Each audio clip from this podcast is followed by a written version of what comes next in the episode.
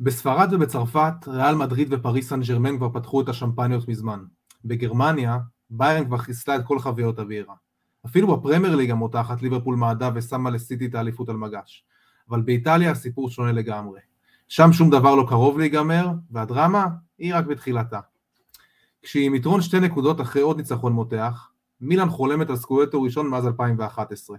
זה ממש לא יהיה פשוט מול האלופה והיריבה המרה מהצד השני של הכביש, אינטר, שעשתה הכל כדי לאבד את התואר העונה, אך רחוקה מלוותר עליו כל כך מהר. קרב החתול והעכבר הזה, דוד נגד גוליית, you name it, הוא בערך כל מה שנשאר במעט שנותר עד לסיום עונת הכדורגל המטורפת הזו. אז האם הרוסונרי יחזרו לקדמת הבמה, או שמא הנרזורי יעשו back to back? 180 דקות נותרו לתשובות, מי תמצמץ ראשונה? הקרב על ארץ המגף. פתיח קצר ומתחילים.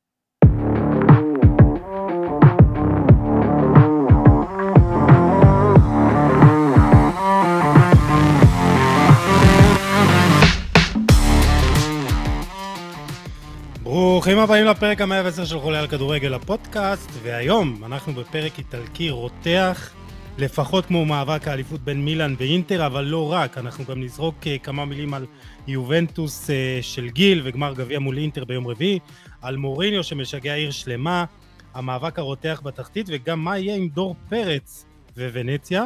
ובשביל כל זה נמצאים איתנו כאן היום אסף אקרמן שהוא בעיקר היום אוהד מילאן מאושר אבל גם האיש ערוץ הספורט ומנחה של הפודקאסט אה, רדיו אזורי וגיא דר שהוא אוהד ניטרלי אבל הוא בעיקר גם שדר הליגה האיטלקית ב ONE אז אה, אהלן חברים מה העניינים? אהלן ערב נהדר תודה אה, גיל מה קורה? בסדר, בסדר, אז אתה יודע, כמו שבאמת אמרתי בפתיח, אז באמת נשאר לנו, בעצם הסריה זה כל מה שנשאר לנו העונה. כי אתה רואה, גם אפילו בפרמייר ליג זה הולך ולאט לאט נגמר, ספרד כבר דיברנו, אז תשמע, מה שקורה באיטליה השנה זה באמת אה, קרב יוצא דופן בין שתי קבוצות כל כך שונות, אה, ומעבר לזה גם יש לנו כל כך הרבה סיפורים מעבר למאבק האליפות, אבל אין ספק שנתמקד בעיקר בזה, אה, ובשביל זה יש לנו פה, אתה יודע, שני מוחות אה, כדורגל איטלקי מהמשובחים שיש בארץ, אה, ללא ספק. וכיף לשמוע אותם, באמת, כיף לשמוע כן, אותם. כן. אה, גם מדברים וגם קול רדיופוני חזק. באמת, אני, רק, רק ללמוד כאילו על איך אה, להעביר שידור ואיך אה, ככה להעביר את המלל ומה שרוצים להגיד, אז אולי ניתן לכם לדבר ולהעביר לנו את התחושות. גיידר, מה העניינים? אתה שידרת השנה את הליגה האיטלקית לא מעט, ו... איך העונה הזאת אה, ככה, היא לקראת סיום, אבל תסכם לנו אותה ככה בכמה מילים. קודם כל היא עברה לי בטיל. זה, זה כמו, אני חושב שכמעט כל עונה זה קורה, אבל העונה מרגיש לי אפילו יותר. העונה, יש הרבה ביקורת אולי על הרמה של הכדורגל האיטלקי, בעיקר בגלל הנבחרת, ועל אולי הקבוצות האיטלקיות לא מספיק טובות באירופה, אבל הליגה כל כך כיפית. אני כל כך נהנה ממנה. אני יודע ש, שאקרמן, שאגב, איזה כיף להיות פה יחד איתו, שהוא כולו מתוח ולחוץ, כי הקבוצה שהוא אוהד שם במרוץ, לי אין אף קבוצה, ואני פשוט נשען אחורה ונהנה גם מהמאבק בצמרת, גם מהמאבק הבאמת לא פחות מטורף שיש, שנהיה לנו בתחתית. זה, זו, זו עונה לפנתיאון מהבחינה הזאת, גם אם אומרים הרמה לא הכי גבוהה והגדולות הן לא גדולות כמו פעם ואין איזה קבוצה של 100 נקודות, אבל, אה, אבל זה כיף, פשוט כיף כן, שיש קרבות כאלה. לגמרי, לגמרי מסכים איתך, ואתה יודע, אני בתור אוהד יובנטוס, אתה יודע, אני כבר בתכלס, אה, בכל מה שקשור לליגה, אני כבר עם כפכפים ובגד ים, אה, בוא נגיד, בוא נגיד שלושה שבועות בערך, אחרי שכבר ראינו שהמקום בליגת האלופות מובטח וסיכוי לאליפות, אין לנו באמת, אז אתה יודע, כל מה שנותר לי, זה רק לחכות למשחקים של מילאן ולקוות לנפילות של אינטר. אה, אז אקרמן, אתה, אתה לאורך כל הדרך לא האמנת. זאת אומרת, היית פסימי, הנמכת ציפיות, אמרת אנחנו לא טובים. אתה מתחיל להאמין שזה, שזה אפשרי?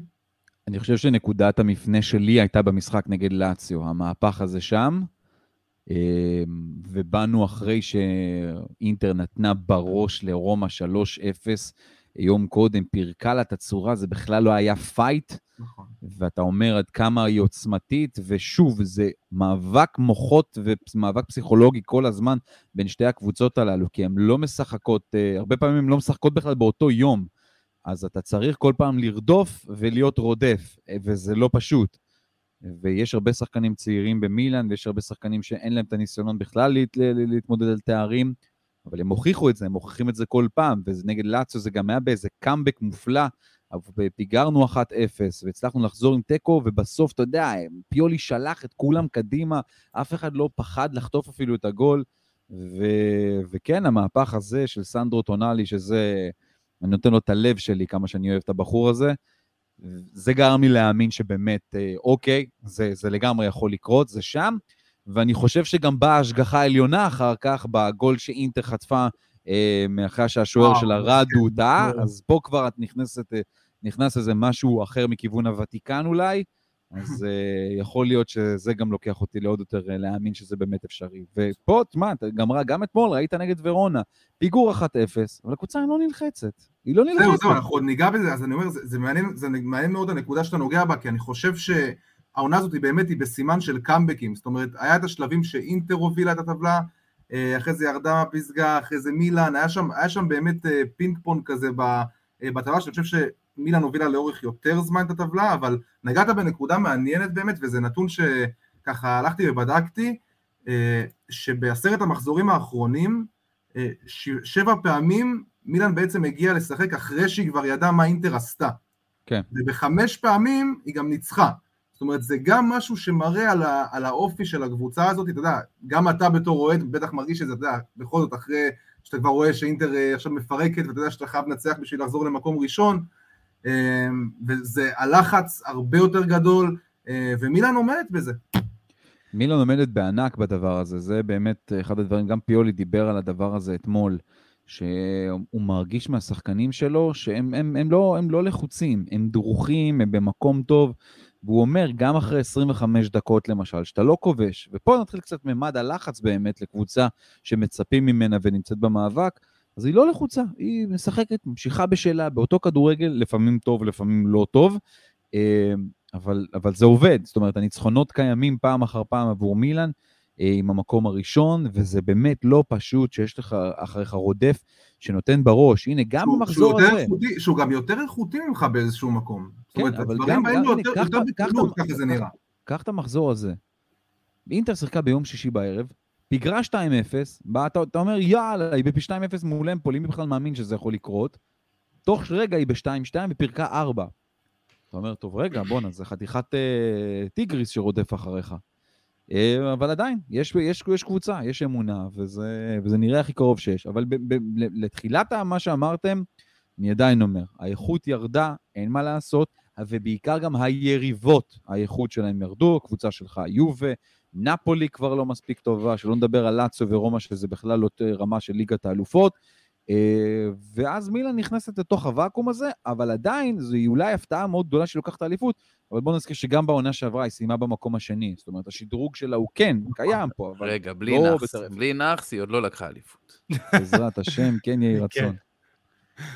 אז, אז אני אגיד את הטייק שלי על הזה, זה, זה מזכיר לי איזה מין אה, משחק טניס ארוך מאוד, שבמשחק טניס כל פעם יש איזה, ההיבט המנטלי כל כך משחק תפקיד, וזה באמת, זה, זה משחק של מומנטום. אז כמו שאמרת גיל, זה פשוט אה, התעצומות המנטליות שכל קבוצה, ובעיקר מילאן, כמו שאמרת, היא צריכה כל הזמן אה, לרדוף אחרי אינטר, וכמו שאמרת גם, היא הרבה יותר איכותית. אה, לי זה, את האמת הזכיר את רק האליפות אה, של אה, בפרמייר ליג, כי באמת במחזורים האחרונים כל פעם יצא שסיטי שיחקה אחרי ליברפול, ואתה יודע, פתאום ליברפול מנצחת והיא עולה למקום הראשון, ואז סיטי צריכה, אתה יודע, לנצח ולמצוא את הכוחות המנטליים, ובכלל גם אחרי המחזור האחרון, במחזור האחרון, אחרי ההפסד ב- בליגת האלופות, פתאום עוד פעם להמציא את עצמך מחדש ולמצוא את הכוחות המנטליים, אה, לשחק ו- ולנצח, מבחינתי זה וואו אחד גדול, אה, ומילאן במקום הזה אני חושב שצריך לתת לה הרבה, הרבה קרדיט, וזה מתקשר לי לשחקן אחד שאולי אפשר מבחינתי להמשיך, להתחיל לדבר על אה, מילאן ברשותכם. יאללה.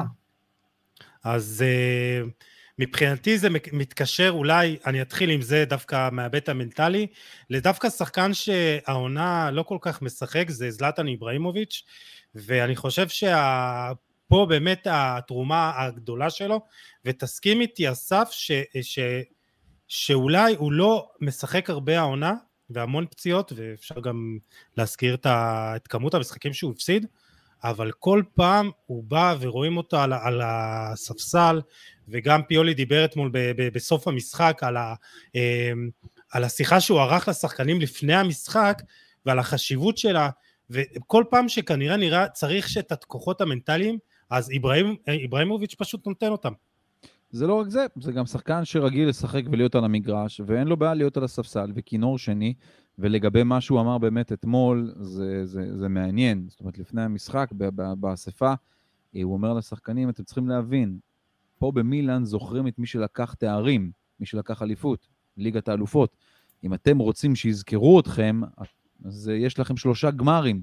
עכשיו, שני גמרים אחרי הניצחון של אתמול. אה, איבראימוביץ' הוא דמות מאוד מאוד בכירה בתוך מילאן. אני אקח אתכם לתאריך שהוא הגיע למילאן. בשנת 2020, בתחילה, בינואר 2020, כשהוא מגיע מלוס אנג'לס גלקסי, לאימון הראשון הוא הגיע שעה וחצי לפני, והוא לא היה שם אף אחד חוץ ממנו. יום לאחר מכן, שכל השחקנים ראו אותו, כולם הגיעו שעה וחצי לפני. והוא לא אמר להם שום אפילו, דבר. אני, אני אוסיף אותך, אני אוסיף לך אפילו, אסף, אתה בטוח זוכר את זה מצוין. אני שידרתי משחק ב-22 בדצמבר 2019, אחרי זה ראיתי גם שפיולי הזכיר אותו, זה היה המשחק שבו מילאן הפסידה 5-0 כן. לאטלנטה. אני זוכר את זה בטח, וואו. זה ההפסד הכי גדול שלה מזה 21 שנים, זו גם הייתה תקופת השיא של אטלנטה כמובן, אבל אה, זה היה יכול גם יותר מ-5-0.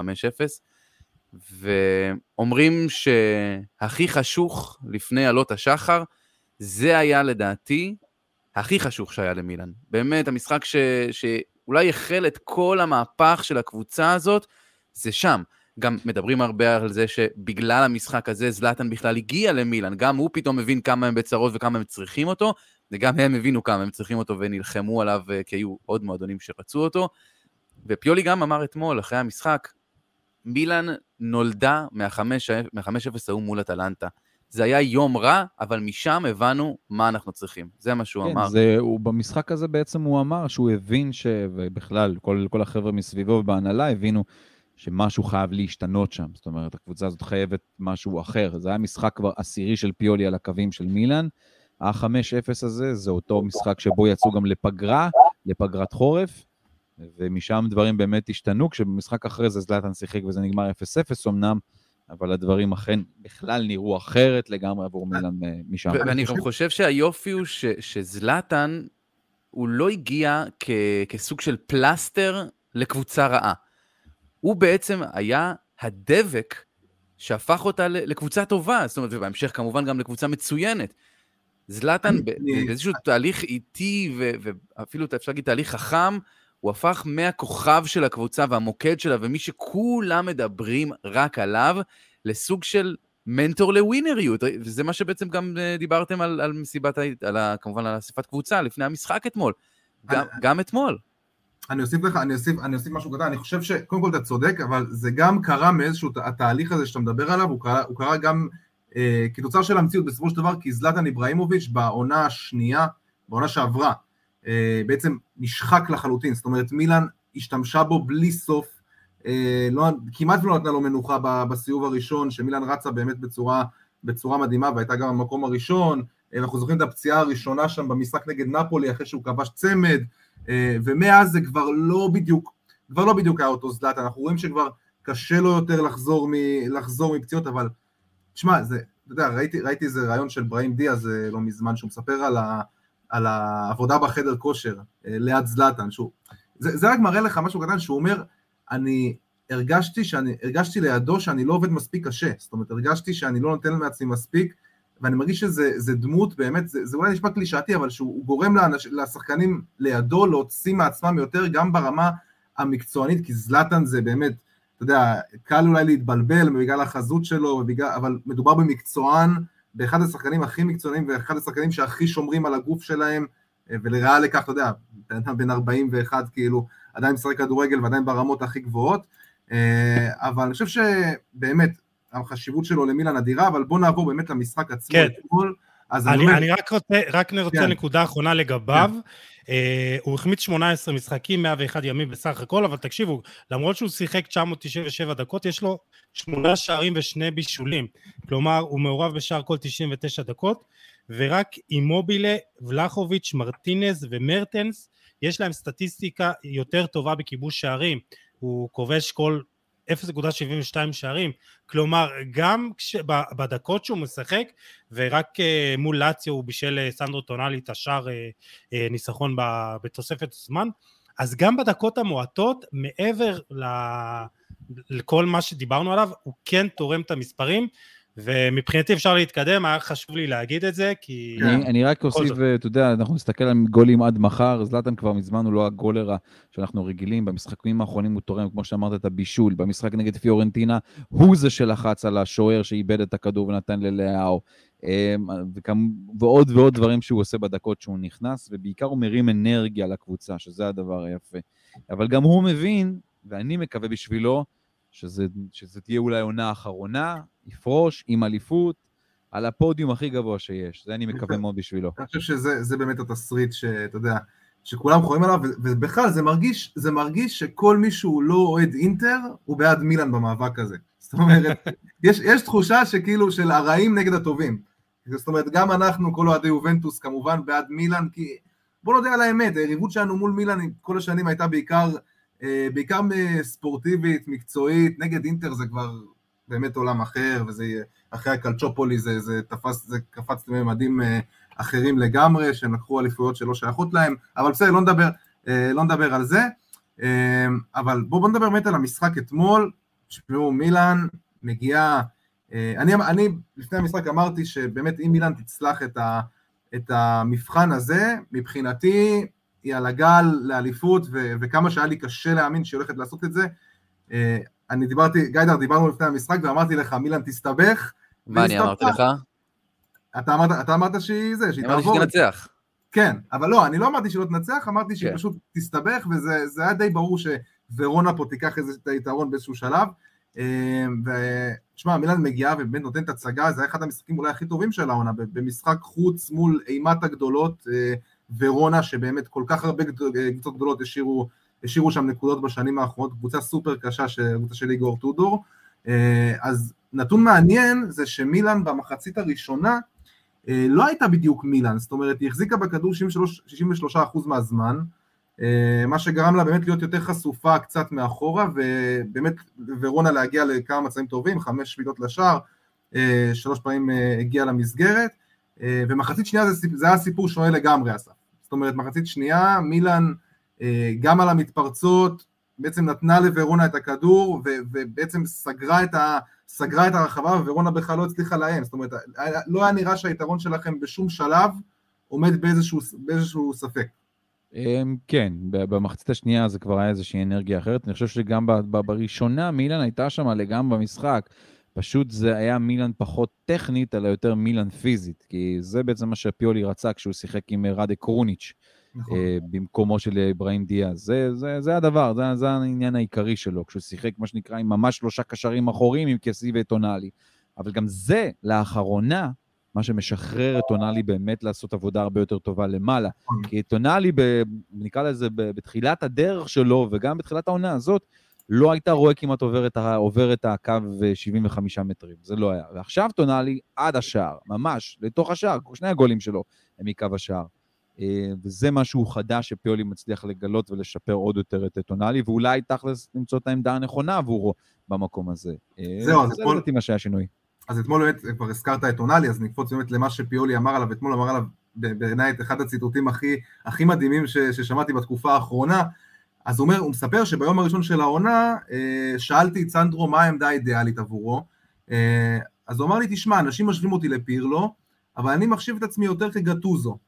אז אה, פיולי אומר, אני חושב שאם מוסיפים את דניאלה דה רוסי לשלישייה הזאת, הם, הם משלימים לטונאלי אחד. זאת אומרת, שלושה קשרים מהגדולים בהיסטוריה של הכדורגל האיטלקי, בעצם סטפנו פיולי אומר ש, שהוא, שהם ביחד יוצרים טונאלי כזה? אתה, אתה רואה בזה משהו? אתה רואה, אתה רואה משהו מזה, גיא? אני לגמרי רואה את דניאלה דה רוסי, הרבה יותר מכל, מכל ה... מפירלו ומגטוזו, זה לגמרי דניאלה דה רוסי, מסכים. עם יכולות, למה? עם יכולות, כי הוא... דניאלה דה רוסי, הגדולה שלו ומה שאנחנו רואים מטונאלי זה לא לוותר לשנייה אחת על שום כדור, לא משנה באיזה פינה הוא במגרש. גם יכולת אה, התקפית לא רעה בלצאת קדימה, כי תמיד דניאלה דה רוסי שיחק עם עוד קשר 50-50 לידו, והם הם נכון. החליפו מקומות כל הזמן. כל תמיד, זה ממש תמיד ככה, לא משנה לאיזה הרכב תלך של רומא ושל הנבחרת. ו- וטונאלי דומה לו הרבה יותר במקום הזה, הרבה יותר קשוח, פיזי, אה, פס טוב, יודע לכדרר גם, ומאוד מאוד מהיר. דניאל דה רוסי היה פחות מהיר, ט- טונאלי משפר את זה בגדול. זהו, גיידר, אתה גם רואה הרבה את מילאן כבר בשנתיים האחרונות, אני מאמין שאתה גם שמת לב לשדרוג הזה של טונאלי. לגמרי, אני חושב שהשדרוג הוא קודם כל טבעי כי, כי הוא מתבגר, הוא עדיין uh, שחקן מאוד מאוד צעיר, ומעבר לזה, דיברת על, על פיולי. פיולי מצליח להוציא מהשחקנים שלו, וזה לא רק טונאלי, אני בטוח שאנחנו נדבר עוד מעט על רפאל לאהו, נכון. הוא מצליח להוציא מהם את המיטב, הוא מבין מה הם צריכים, והוא יודע לתת להם את זה. זאת אומרת, זה לא השיטה שלי, ואתם תיכנסו לשיטה שלי וזהו, אלא אני אנסה לחפש בתוך השיטה הזאת את המקומות הטובים ביותר שאתם תבואו בהם לידי ביטוי. גם עצם זה שהוא שאל אותו מה- מה מה העמדה שלו, איפה הוא רוצה. לשחק. חד משמעית. וגם אתמול, אגב, את דיברת על השליטה בכדור, שהשתנתה, שבהתחלה מילן שלטה יותר, ואחרי זה שלטה פחות. ורונה היא קבוצה שמאוד אוהבת לשחק מהר. יש לה את uh, סימאון אה, מקדימה, שני מגנים, סילונים, פרעוני ולזוביץ', ויש לה את אנטונין ברק, קדימה, כן. כן, אהובנו היקר. ו- והיא מאוד אוהבת לשחק באמת את החצים האלה קדימה, ולחפש את סימונה בכדורים הארוכים, וזה הצליח להם לא רע בכלל בשל- בחלק הראשון של המשחק, ו- ופיולי באיזשהו מקום הבין את זה, יותר חיכה להם מאחור, וככה גם ראינו את, ה- את השער השני של טונאלי במתפרצת אדירה של לאהו רץ שם, ו- ו- וברק רואה לו את הגב בעיקר, ו- והוא הבין את זה, הוא מבין משחק. אני, אני חושב שאנחנו נדבר הרבה על שחקנים, ש, שאם יהיה פה תואר, זה יהיה שלהם, והם מצטיינים של העונה כביכול. אצלי המצטיין זה פיולי, ו- והוא באמת עשה פה, עשה פה פשוט עבודה של ללכד קבוצה. אני חושב שדיברנו גם בפוד הקודם ש- שהייתי איתכם, על זה שאינטר, אולי שחקן פר שחקן, היא יותר טובה ממילאן, אבל כקבוצה, כתלכיד, מילאן מוציאה את המיטב. אז זה עוד היה מיד אחרי הפציעה של סימון קר, שאתה אומר, איך, איך בכלל אפשר להמשיך ככה, ו- ולא הביאו עוד אני- בלם. אני, אני, רק אני אוסיף נקודה אחרונה, אני, לגבי פיולי, אני אמרתי כבר כמה פעמים שבעיניי, בעיניי הוא מאמן השנה באירופה, ואני אסביר למה, כי מי שעוקב אחרי מילאן מהרגע שהוא הגיע בשנתיים וחצי האחרונות, רואה את התהליך שהקבוצה הזאת עוברת משחק אחרי משחק. ולא ציפינו, התהליך לא ציפינו שזה יקרה, עובר. אתה רואה- אתה רואה שחקנים כמה הם השתדרגו, קלבריה כזה, אתה יודע, שהיה נחשב מגן בינוני, פתאום, אתה יודע, המגן הימני, המגן הימני האיטלקי הבכיר, אמ, בנאסר, כשיא, אה, טונאלי השדרוג שהוא עובר בעונה הזאת, הוא באמת, אה, לאהו שפתאום אתה רואה אותו יותר תחתית ותכף גם נרחיב עליו, אתה רואה את התהליך הזה שהוא עושה עם סגל שחקנים מאוד מאוד מאוד מוגבל, זה בעיניי, ועוד כמא- וכמאמן שבו הוא היה כל כך לא מוערך באיטליה, ואתה יודע, נדד בין קבוצות, והפסיד פה להפועל באר שבע בטרנר, אמ, ובאמת לא, לא כל כך נספר, לא היה בשורה הר- הראשונה של המאמנים האיטלקים. מה זה, אקרמן ואוהדי מילן רצו לפטר אותו שבוע אחרי שהוא הגיע זהו, כבר. זהו. כן, אז, אני, אני מודה, אני קראתי לו עוד מאמן לואו-קוסט, לגמרי. לגמרי, היה לנו את מרקו ג'מפאולו לפני זה, ואז בא המאמן שהיה בפיורנטינה, עם כל הכבוד, נכון, עשה דברים יפים שם, אבל זה לואו-קוסט, לא, לא מה שמילן באמת צריכה. אף אחד לא ציפה אבל לזה. זה, אבל זה היה, זה, זה, זה, זה מדהים מה שהוא עשה, השיפור שלו עצמו כמאמן, הוא שדרוג מאוד רציני, זה באמת, אתה רואה את מלדיני ואותו ביחד, איך הם מדברים, איך, איך, איך, איך זה עובד שם, נפלא, יש גם והלוואי שהיא יש גם שביעות רצון גדולה ממלדיני, אני מאמין. אני, אבל אני, אני שוב, אנחנו, מילה נמצאת במקום של אוקיי, אולי ייקחו את האליפות, את הסקודטו בעונה הזאת, ופתאום גם, אבל מילאן רוצה להשתדרג יותר, ואם הולכים גם הבחריינים לקנות אותם ולהכניס כסף גדול, נכון. זה עולמות אחרים של שחקנים, זה עולמות אחרים, אחרים של ניהול ושל התנהלות. פה יכול להיות מבחן באמת עד מתי, כמה זמן ייקח למילאן לעשות קפיצת מדרגה שוב למקומות הללו. טוב, אה, לגמרי, ואני חושב שזה יהיה לכם תוצאות טובות. לפני שנתקדם הלאה, אני חושב שאנחנו אה, אה, חייבים לדבר על לאהו, הזכרנו אותו ממש בקטנה, ואני חושב שאחד השדרוגים באמת שהוא עושה זה כמות הדריבלים שמהם הוא מייצר מצבי הפקעה, ושימו לב, העונה, רק קיליאן אמבפה וסנט מקסימן מניוקאסל השתתפו פעולות שמייצרות איום על השאר אחרי דריבל יותר ממנו.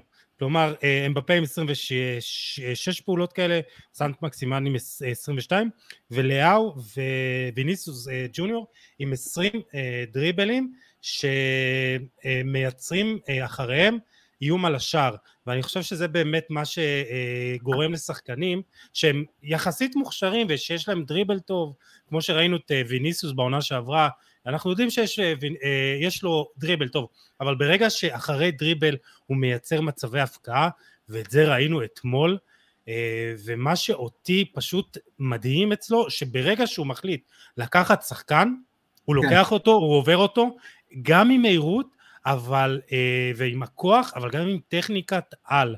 אני חושב ש... הוא עושה כל כך הרבה דריבלים, 3.21 דריבלים מוצלחים למשחק, אבל כמו שאמרתי הוא גם מייצר אחריהם אה, איום על השאר וזה השדרוג האמיתי אה, ואם הוא רוצה להיות בטופ האירופי זה האלמנט שהוא חייב לייצר בו המשכיות. כן גיל.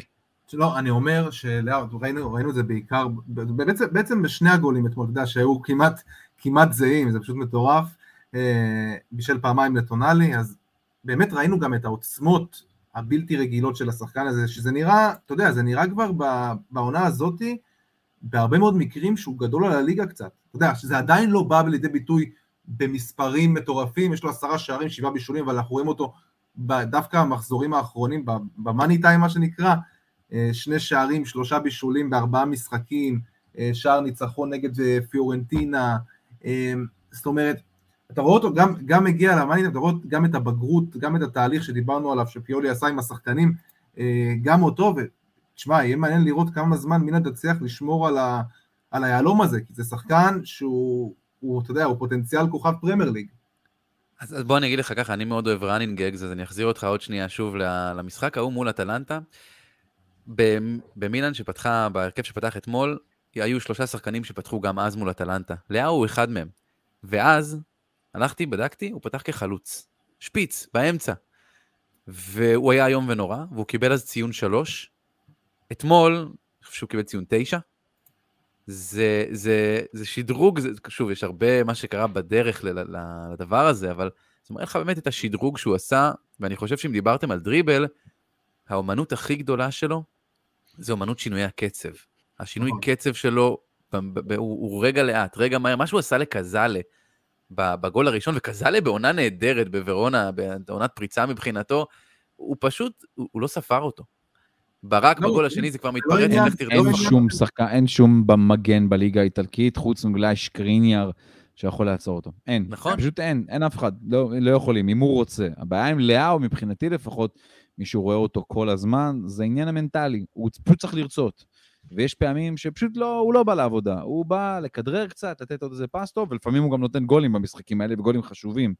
וזה כאילו נראה שלפעמים הולך לו קל מדי, אבל כדי שהוא יעשה את, הש... את הקפיצת מדרגה הזאת, זה צריך להיות יותר אינטנסיבי, יותר טוב, יותר חזק. אגב, אולי בדומה למה שוויניסיוס עשה בריאל מדריד העונה הזאת, למשל. אה, זה מצוין. מקום שיכול לקחת אה, את ההתקדמות, ואז באמת הוא מפלצת שהוא יתקדם עם מילאן מאוד מאוד מהר וימכרו אותו.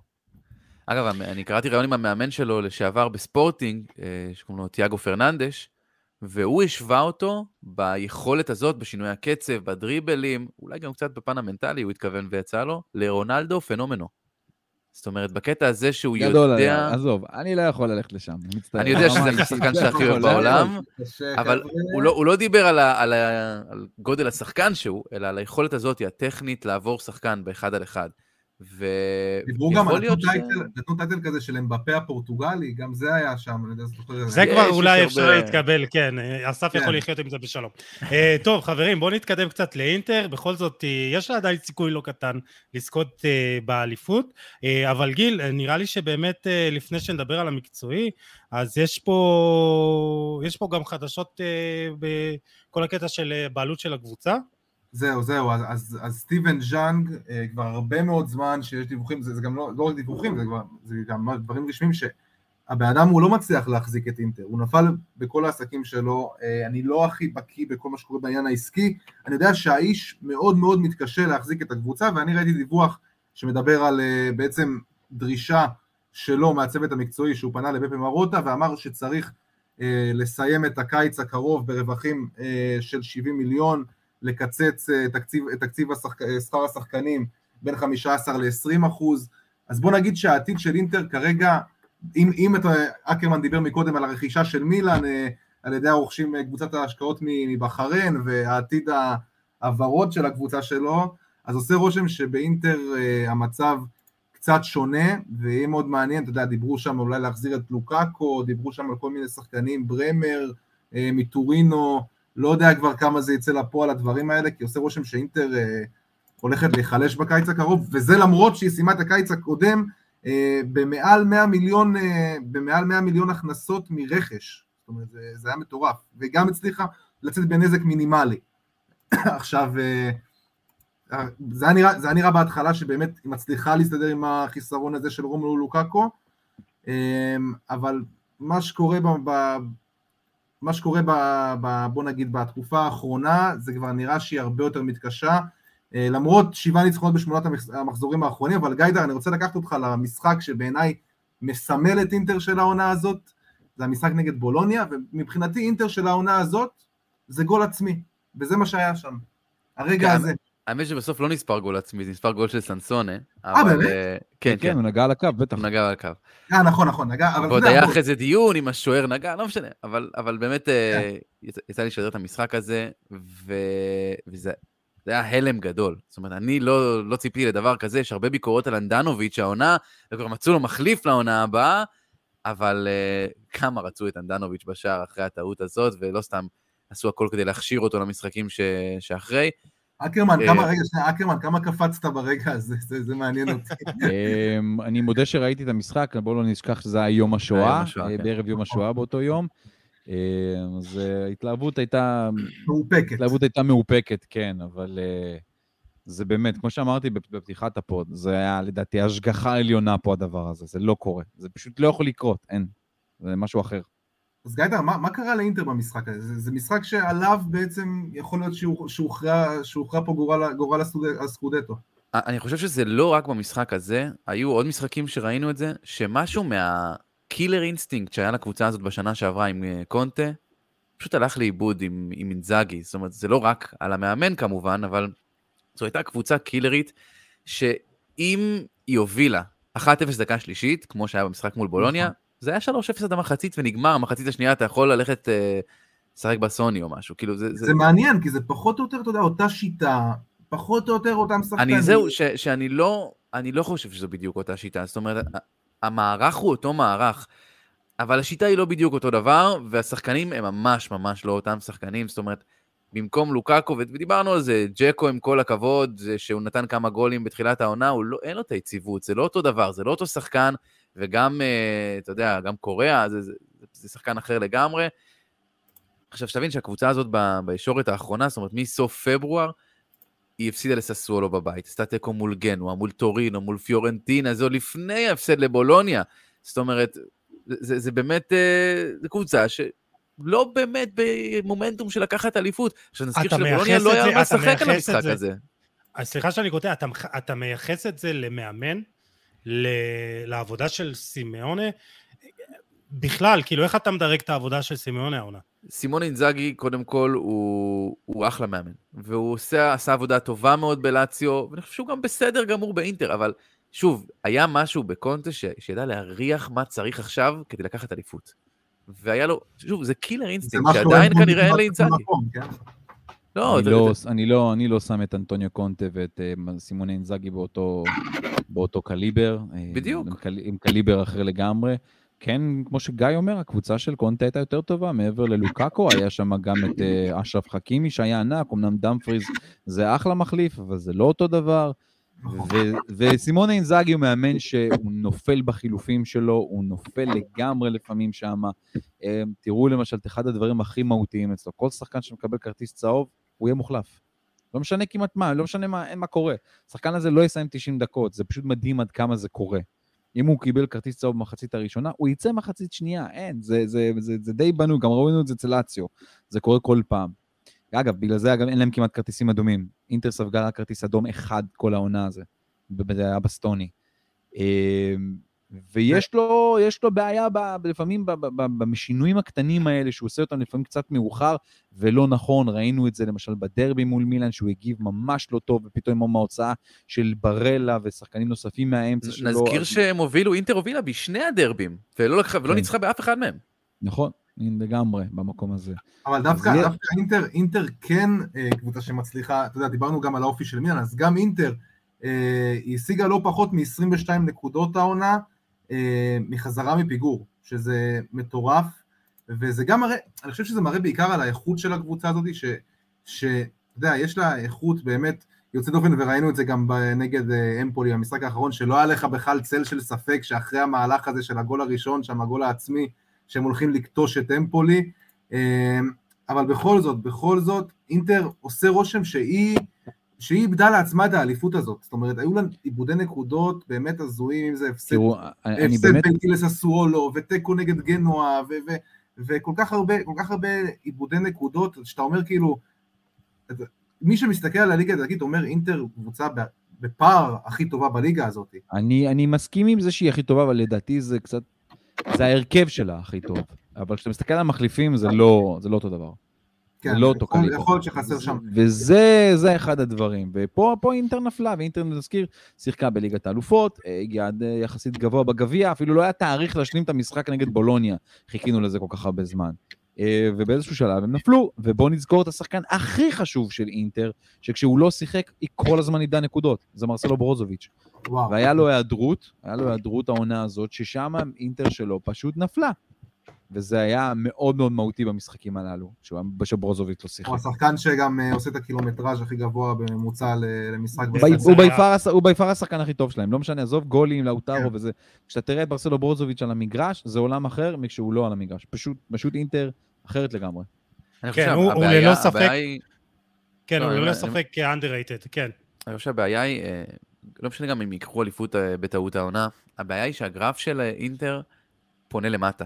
זאת אומרת, זה כבר, אה, לא סתם הדיווחים האלה מגיעים, הקבוצה כנראה תיחלש גם בעונה הבאה, גם אם מגיע, אגב, גם אם מגיע דיבלה, שבטוח ניגע בזה בהמשך, זה מאוד מאוד סביר שזה יהיה במקום לאוטרו. זאת אומרת, זה, זה לא שהקבוצה תשמור על העוצמה שלה ותתחזק, אלא שעוד פעם מנסים להחליף שחקן על שחקן, שיהיה יותר זול, כי דיבלה מגיע בחינם. אז אה, ואני לא יודע כמה זמן הם. יצליחו להחזיק מעמד בדבר כן. הזה, זאת אומרת, עדיין, דווקא אני לא חושב. שזה יקרה. אני לא חושב אתה חושב ש- שלאוטרו יישאר יחד עם? אה, חושב- כן, אני לא חושב שזה- שזה- אני לא חושב כן. שזה בכלל אותו תפקיד, אין שום בעיה על זה. אני חושב לא, שדווקא לא זה קשור לתפקיד. אלא קשור לכסף. אני לא חושב שיש בעיה, זה עוד שבעה, השכר שלו 7 מיליון, תשמע, אם תבוא הצעה על 90 מיליון יורו לאוטרו מרטינז, יכול להיות שלאינטר לא תהיה ברירה, אבל אה, אינטר אין לה איזושהי, אין לה באמת בעיה כלכלית כרגע. הייתה בעיה עם, אה, עם סטיבן ז'אנג ובכלל עם ממשלת סין, ששם היא יצרה נכון, השקעות נכון. מבחוץ, בתקופת הקורונה, וגם זה קצת נגרר לאחר מכן. אה, אבל אין לה בעיית תזרים מזומנים, זה לא שמשכורות לא משולמות, זה לא שאין הכנסות אה, לקבוצה הזאת, שתהיה בליגת אלופות גם בעונה הבאה. לא, זה, זה נטו העניינים של ז'אן, זה נטו... נכון, זה נטו עניינים של ז'אנים בממשלה הסינית, ובמקום הזה לדעתי לאינטר לא תהיה בעיה לשלם לדיבלה. כן יהיה שינויים בסגל, זאת אומרת, וידל הולך וזו משכורת לא קטנה, אה, ילכו עוד כמה שחקנים שם, רנוקיה שאולי יעזוב, פיליפה קייסדו בטוח ילך, זה, אמנם זה לא הרבה כסף, אבל אה, פרישיט שאנחנו מבינים, למרות שהוא פשוט מדהים, הם מוותרים עליו כי יש להם את גוסנס, אז אה, זה משכורות לא קטנות שנחסכות, ושוב, דיבלה יהיה ירוויח 6.5-7 מיליון יורו, זה לא יותר מזה. זה אמנם, בלי לזלזל, אבל זה לא יותר מזה, אין פה עוד הוצאות, זאת אומרת, אין, אין תשלום עליו ברמת, אה, ברמת העברה. וזה זהו. חיסכון מאוד גדול. כן, אז זהו שלפי הדיווחים, כמו שאמרת, אה, דיבלה אה, עשוי לבחור באינטר, וזה חיזוק לא רע בכלל. אינזאגי, כמו שהיה רשום, כן בונה עליו כחלוץ שני לצידו של לאוטרו, ואם כבר... זה יכול לעבוד טוב. זה יכול להיות מדהים, זה יכול להיות באמת כיף גדול. וזה יכול להיות באמת מדהים, ואני חושב שגם הם מבינים אחד את השני, הם משחקים בנבחרת ביחד, אה, ואני חושב שמרטינז, אה, יש פה, יש לו איזה גרף התקדמות מאוד מאוד יציב. אה, שימו לב לזה, ב-18-19 כשהוא הגיע הוא קבע שישה שערים, ב-27 משחקים, עונה לאחר מכן 14 שערים ב-35 משחקים, אה, עונה שעברה 17 שערים, 38 משחקים, והעונה הוא כבר 19 שערים עם 33 אה, משחקים, וגם פר דקות הוא כובש יותר, ולאט לאט כאילו רואים שיש על מי לסמוך, בסופו של דבר, גם אם לוקקה לא נמצא, יש על מי לסמוך מבחינת כיבוש שערים, אה, וזאת תהיה מכה רצינית אם אינטר תצטרך למכור אותו, אבל אני לא חושב שכרגע יש איזו קבוצה שיכולה לשלם עליו את הסכום הזה אה, של 70, 80, 90 מיליון אירו. גיא דאו. 70, 70 לדעתי זה באמת הגג ש, שהם יקבלו עליו, לא רואה אותם מקבלים יותר מ-70. אולי ארסנל ש... שכן.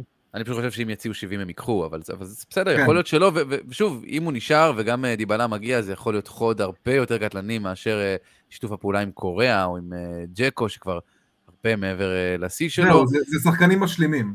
כן, וכשוב, אמרתם גוזנס בצד שמאל, אחד השחקנים שכשהוא בשיאו, אני השחקנים שאני הכי אוהב באמת בעולם, וכשהוא היה בשיאו... הוא לא נכנס ב-100% לעניינים. הוא לא נכנס בכלל, הוא לא קרוב ללהיכנס למה שהוא היה.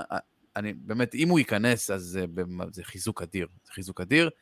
אם לא, הם בבעיה, בבעיה. כן, הוא כבר לא, הרבה מאוד זמן פצוע. אטלנטה לדעתי עשו עסקה טובה שמכרו אותו בדיוק בזמן, שעוד אפשר לעשות עליו כסף לפני שזה באמת uh, לגמרי נגמר, uh, והם יודעים לעשות את העסקאות האלה מצוין. אני, אני לא יודע אם הוא יחזור לעצמו. הלוואי שכן, כי כשהוא משחק כדורגל uh, בשיאו, זה, זה פשוט כדורגל מדהים. מרהיב. מדהים. Uh, בוא נתקדם ליובה, uh, יובה שלך גיל, ולמרות שאתה כל כך, uh, אתה יודע, לא באנרגיות טובות לגבי הקבוצה הזאת, יש עוד שלושה, עוד יומיים משחק, גמר גביע נגד אינטר, ויכול להיות שבסופו של דבר העונה הזאת תסתיים עם טעם טוב.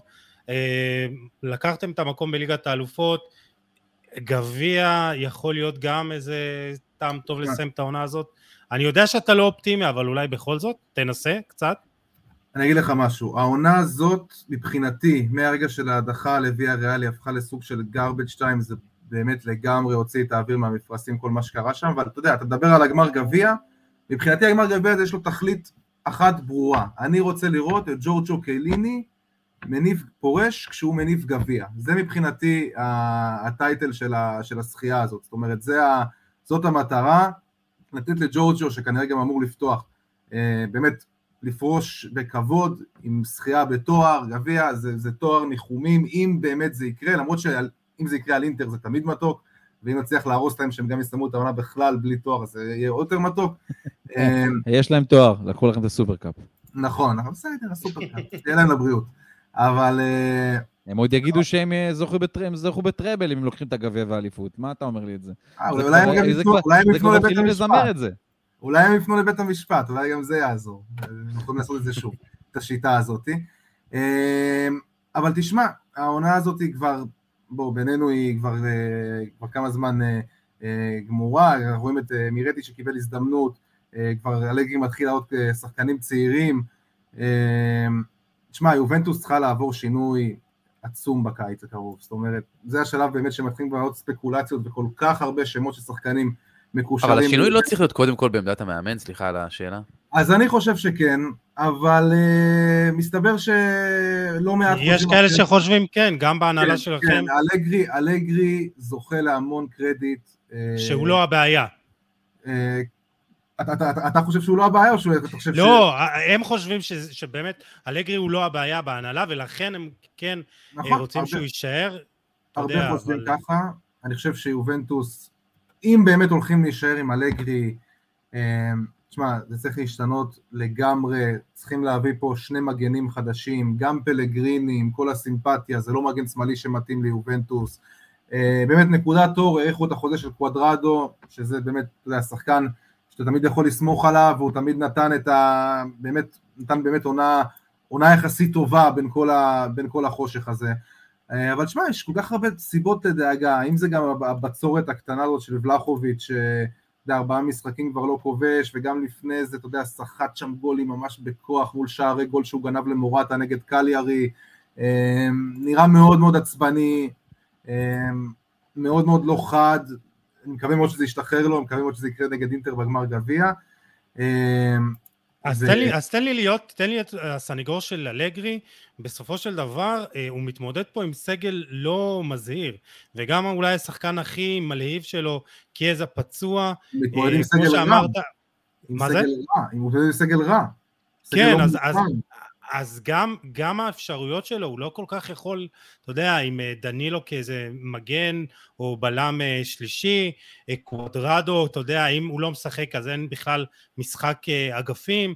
אז, מה, אז... שעצוב, מה שעצוב ביובנטוס, שאנחנו כבר, עזוב, עזוב את הלגיה, אנחנו כבר כמה שנים לא רואים שום דרך. אנחנו רואים כל משחק איזה הרכב שונה, עם שחקנים גנריים, פעם זה ארתור, רביו באמצע, מקני, כל פעם בסדר שונה. הכל, הכל נורא, הכל נורא, הכל נורא רנדומלי, אמ, התקפה גם לא מאוזנת, ההגנה, ההגנה שתמיד הייתה, אתה יודע, המעוז של יובנטוס, מעוז ההגנה, נפרץ לחלוטין, גם, ש... לא יודע, אולי, אולי מתכננים האריכו לפרין את החוזה, אני, אני מאוד מקווה שאם לא מביאים שוער, הייתי נותן כבר לא את הקרדיט במקום צ'זני אפילו, ברמה כזאת, אחרי שהוא באמת הוכיח את עצמו, והוא יכול לקבל, את עצמו, לקבל על עצמו את, ה, את הצ'אנס הזה. אמ, יש חשיבות גדולה מאוד אה, לווסטון מקני, למרות שאני לא, לא גדול, לא גדול הגרובים שלו, שהוא לא משחק אה, והוא פצוע, אז יובנטוס מאוד מתקשה לכבוש בקו שני. אמ, ותשמע, יהיה צריך שינוי מאוד מאוד מאוד גדול, ואנחנו יודעים שיובנטוס עדיין משלמת על קיאזה, ועדיין משלמת על לוקטלי, וזה לא יהיה פשוט מבחינה כלכלית, ועולים הרבה מאוד שמות, לדוגמה פול פוגבה, שאני מאוד הייתי שמח לראות אותו שוב ביובנטוס. אז זהו, אז אה, פול פוגבה, על פי הדיווחים, על פי הדיווחים זה או אתם או פריס סן ג'רמן, אולי, אולי גם ריאל, אבל אני חושב שאתם מאוד תשמחו לקבל אותו. אני חושב שפול פוגבה, אם הוא יגיע ליובנטוס, אנשים יראו כמה השחקן הזה מדהים, כי אנשים, אתה יודע, הפכו אותו כבר לבדיחה במנצ'סטר יונייטד, הפכו אותו לבעיה, הפכו אותו להבעיה של מנצ'סטר יונייטד, לסמל הבעיה של מנצ'סטר יונייטד. עכשיו, שמע, הוא כישלון עצום ליונייטד, אין ספק, הוא פלופ, הוא לא סיפק את הסחורה, אבל אני חושב שכל פעם בנבחרת צרפת אתה רואה כמה השחקן הזה הוא leader, כמה השחקן הזה הוא איכותי, כשהוא משחק לידו בסביבה ש, שנותנת לו לפרוח, אני חושב, אני מאוד מקווה שה, שהלב, אתה יודע, יגרום לו לבחור ביובנטוס ולא בהצעה כנראה הרבה יותר גדולה שהוא יקבל uh, מפריס סן ג'רמן. Um, קשה לי אבל להאמין שזה יקרה. אה, זה שדרוג שמאוד, זה משהו שמאוד יכול לשדרג אותנו, אין ספק. אז בוא, בוא נדבר באמת איזה דקה שתיים על המשחק ביום רביעי. אסף, איך אתה רואה את יחסי הכוחות אה, לגבי המשחק הזה? אמ, האמת שלא יודע להגיד לך. אה, נראה לי שאינטר באמת בא בפורמה יותר טובה, יותר חזקה, יותר רעבה. יובנטוס כבר לגמרי בחוף הים, זאת עונת כישלון מאוד מאוד גדולה שלה. יובנטוס עם שבעה הפסדים, תשע תיקו. כבר בסיטואצ... בסיטואציה הזאת של כסוף עונה, כולה כבשה 55 שערים, זה כלום ליובה אה, מבחינת מספרים. אה, אז נראה לי שאינטר אולי במקום הזה ברמת ההרכב שלה, אבל אלגרי הוא קלאסי לסגור משחקים ב-1-0 אה, באיזה מתפרצת טובה, ובלי לשלוט במשחק אפילו כמעט בשום פרמטר, הוא יודע לעשות את הדברים הללו, ונראה לי שדווקא פאולו דיבלה ישמח לקחת את התואר, גם, אם זה גם תהיה קבוצה הבאה שלו אינטר, אבל על הראש של מישהו, כי הוא בא הרבה יותר חם, וכנראה... שגם דיבלה, אתה שם לב שגם דיבלה, סליחה שאני כותב אותך במחזורים האחרונים, אה, סוג של נלחם, נלחם על החוזה הבא שלו, זאת אומרת, לא, לא ש... אתה יודע, הוא צריך, הוא צריך באיזשהו מקום, היו עליו הרבה דיבורים שהוא כבר חסר חשק, ואתה יודע, כל מה שקורה בכמה שנים האחרונות, בשנתיים האחרונות ביובנטוס, אני חושב שדיבלה מוכיח שהוא שחקן אדיר, ואין לי שום ספק שאינטר תהנה ממנו המון.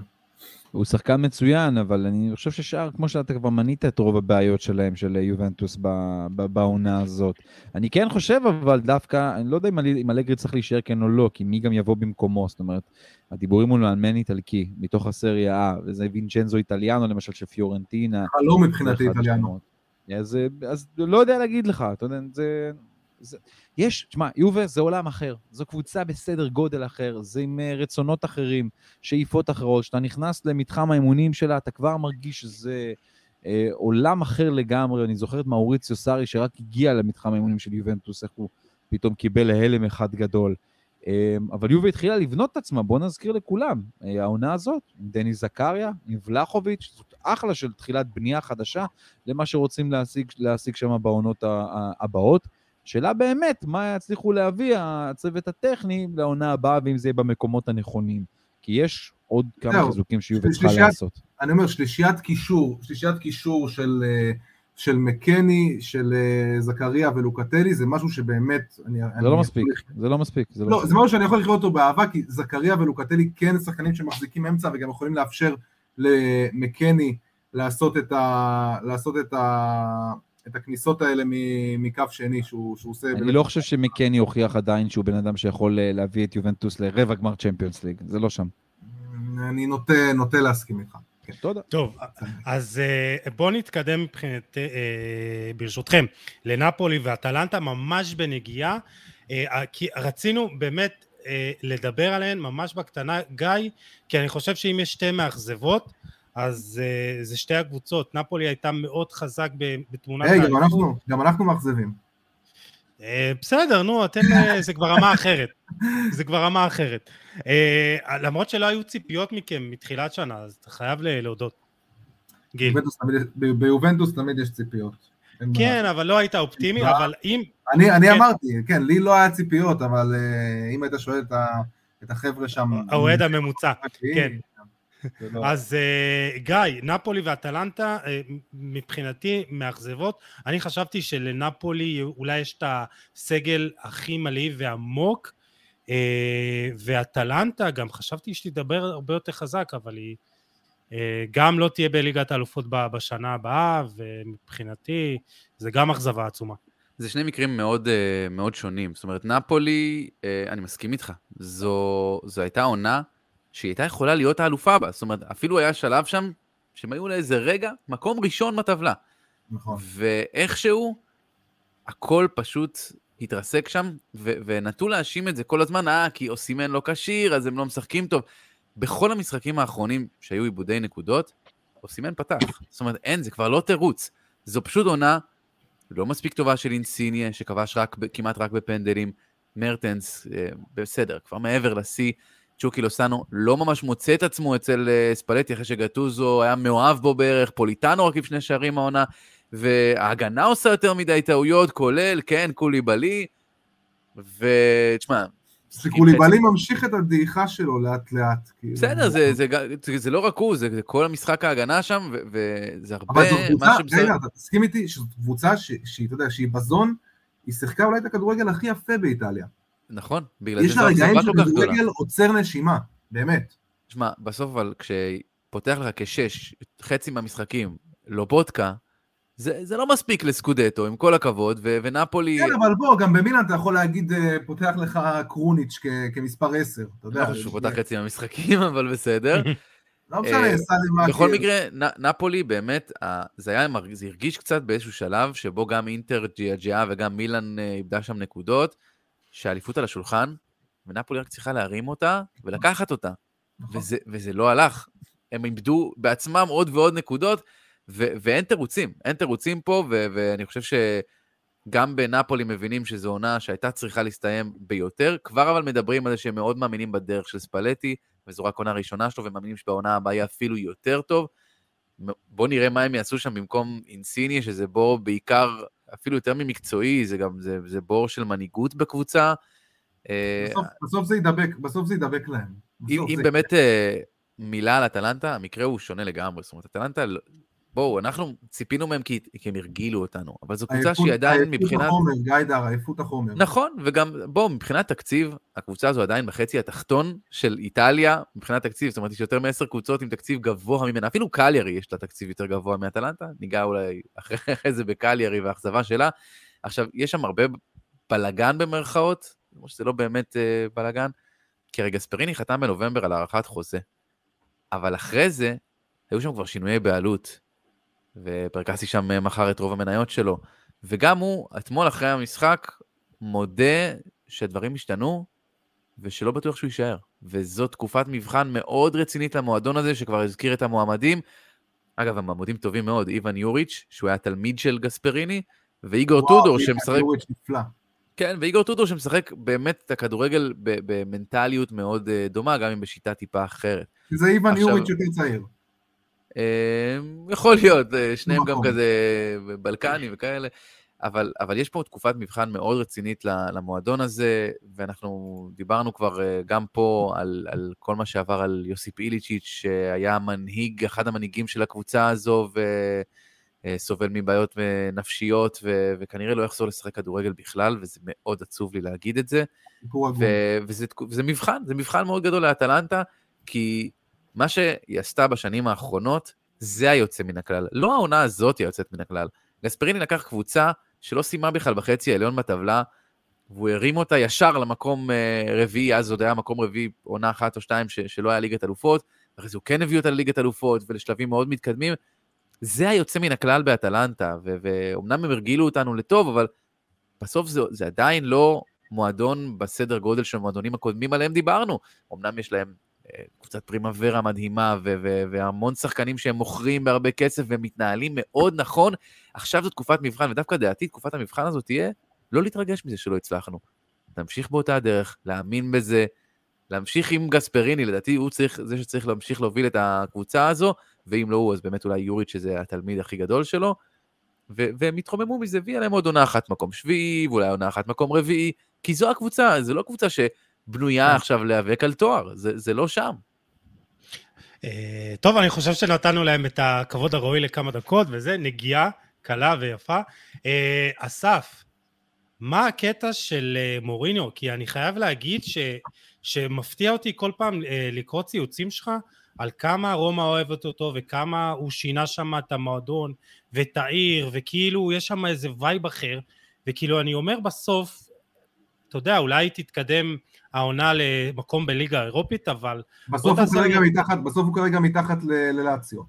כן, ו- וכאילו בוא, בוא תגיד לי מה, מה כל ההתלהבות ממוריניו, כי אני באמת חשבתי שהוא כבר כאילו מעבר, ל- מעבר לשיא שלו.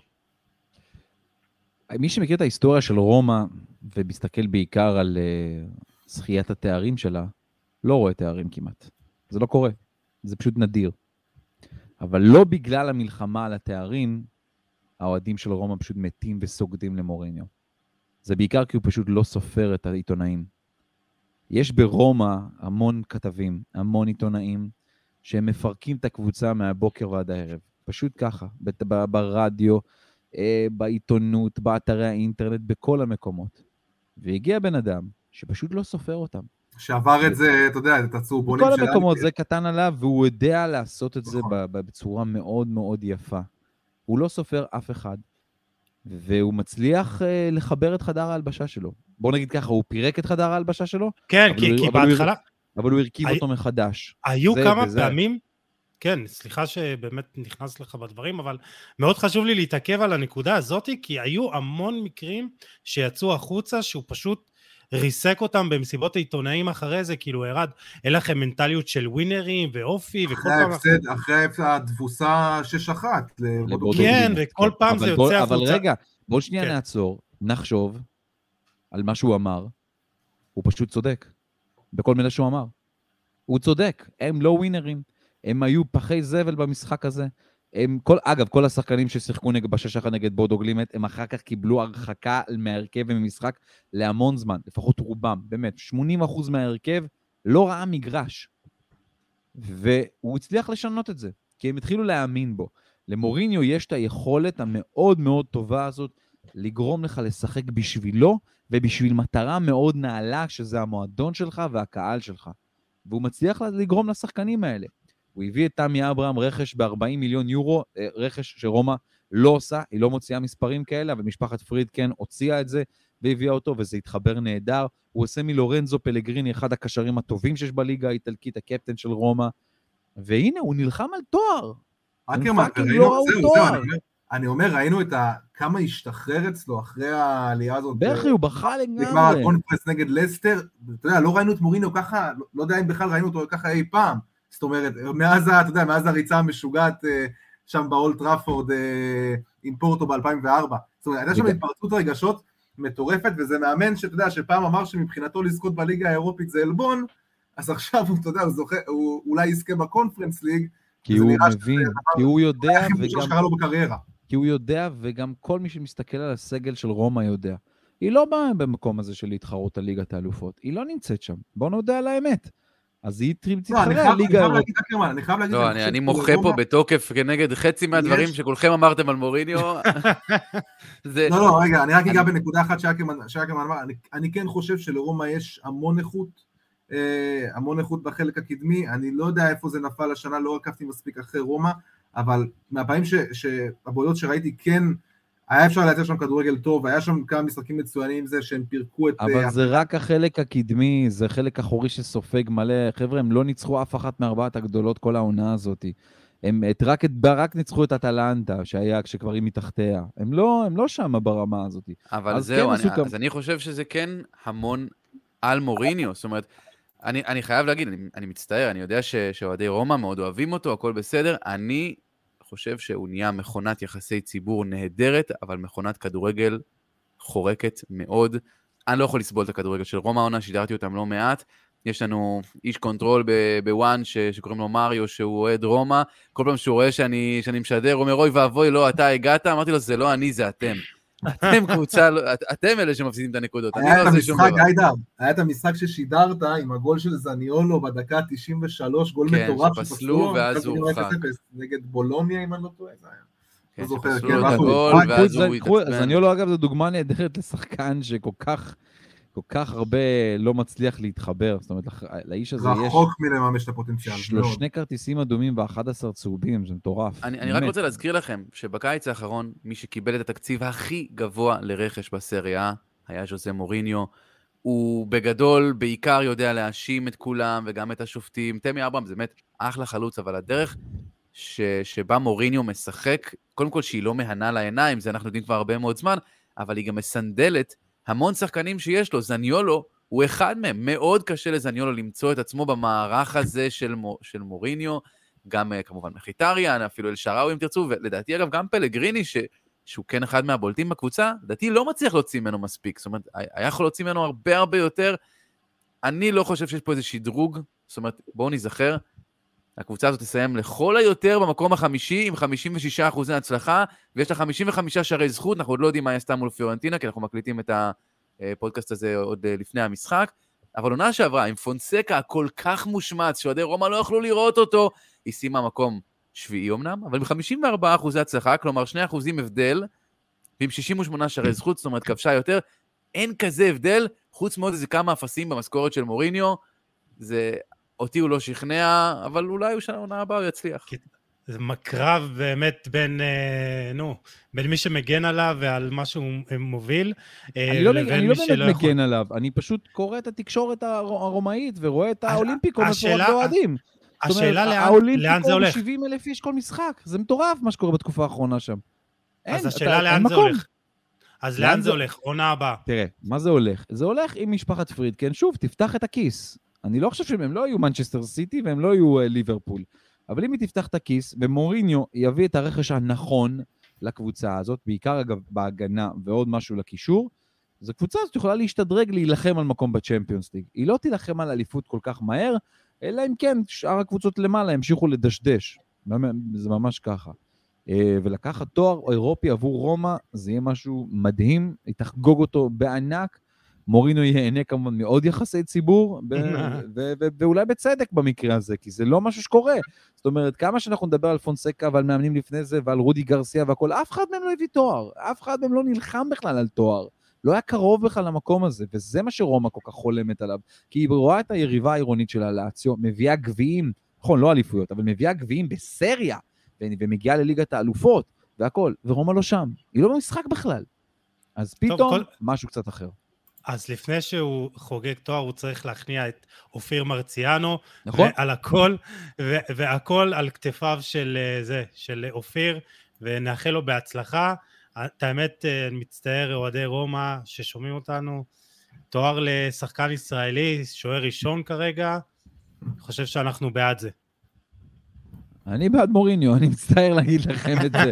אני מכבד לגמרי את אופיר, הוא שוער נהדר, נבחרת והכול, אבל זה לא קשור. אני רוצה שמוריניו יצליח וייקח תואר, כי זה פשוט כל כך כיף לי לשמוע את המסיבות עיתונאים, לראות את כל מה שקורה שם, לראות את הסרטונים היציאים של רומא, באמת, זה, זה פשוט חוויה, ואני עושה את זה המון, זה מדליק. אנשים שולחים לי יוטיוב שמגיעים לשם וכל כך מתרגשים.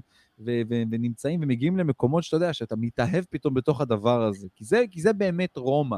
אתה תפסיד הרבה משחקים, לא תיקח תארים, לא כלום, אבל האולימפיקו כשהוא מפורק והרגש הוא כל כך חזק, זה, זה, זה היופי של המועדון הזה. טוב, אז uh, עם המילים האלה אנחנו ניפרד ממך, אסף, נכון? Uh, כן, הזמן מכריע במקרה הזה. טוב, אז... אסף, תודה רבה. תודה, בכיף. כן, אסף אקרמן, תודה רבה, וממליץ לכולם, לחובבי הליגה האיטלקית, להאזין לרדיו אזורי אה, בספורט 5, גם גיל פה התארח באחד הפרקים. אני גם מאזין, בספוטיפיי, אני גם מאזין ומאוד נהנה. או, סוף סוף. הגעתם לספוטיפיי, זה מה שבאתי להגיד, שסוף מזל. סוף אפשר לשמוע אתכם בספוטיפיי, אני מאוד נהנה. תענוג שאר שהגעתם. לספוטיפיי, זה אי אפשר יותר לסבול את האפליקציה, סליחה, זה היה מאוד קשה. הכל בסדר. אנחנו שם ונישאר שם. אנחנו על המפה. מחזיקים לכם- מחזיקים לכם אצבעות. תודה רבה. לגמרי. טוב, אז תודה אסף, ובאמת אה, ניפגש בפרקים הבאים. אה, טוב, אז אנחנו באמת נתקדם, ואני רוצה שנדבר על היריבה העירונית ממש ב- ב- אה, בקצרה. אה, אה, לאציו. אה, אני לא יודע איך להתייחס גם לעונה שלה עם כישלון או הצלחה, אבל בסוף אה, היא התקפה שנייה בליגה, 72 שערים אחרי אינטר עם 78, אה, וכרגע היא במקום לליגה אה, האירופית. גיא, אתה, מה, מה דעתך על העונה, על העבודה של סארי, מרוצים ממנו? קודם כל, אמרת הרבה גולים, אז סארי זה, זה הרבה גולים. בואו, זה, זה כיף, זה, זה תמיד כדורגל מאוד מהנה, אבל זה גם אה, סוג של, אה, אתה יודע, או סקנדל פסטיבל כזה. כזאת, הקבוצה הזאת. בדיוק, יכולה לנצח אה, בניצחון אה, עצום ומהפכים, ולהפסיד באותה מידה. עכשיו, אני חושב שהבעיה העיקרית היום בלציו, זה שיש משבר אמון קשה מאוד בין האוהדים לבין אה, לוטיטו, הנשיא של הקבוצה. אה, כל מה שהיה שם עם המשחק אה, מול מילאן, שהם בעצם אה, יקרו את הכרטיסים, ונתנו למילאן לרכוש עוד כרטיסים, הוציא את כל האוהדים עליו. הוא, משחק אותה כאילו זה סבבה לו, והוא אומר אין לי בעיה, אז אני האיש שהם יתנגחו בו והכל טוב, וככה הם לא יתנגחו בשחקנים ובמאמן, אז אני מוכן להיות הדמות הזאת שמתנגחים, אבל בתכלס יש שם משבר אמון קשה. הוא, הוא, יורדים עליו שהוא קמצן פשוט, כי הוא גם לא מביא רכש באמת uh, בכסף גדול, ו, והקבוצה הזאת עם סגל והיו מאוד עונות. ואני אומר, והיו עונות גם שעשו, שפתחו את התיאבון לקהל של לאציו, אם זה העונה של ה... יודע, עד הקורונה שהם הובילו שם מקום ראשון, ו... ו- זה היה לגמרי. מאוד פתח את התיאבון.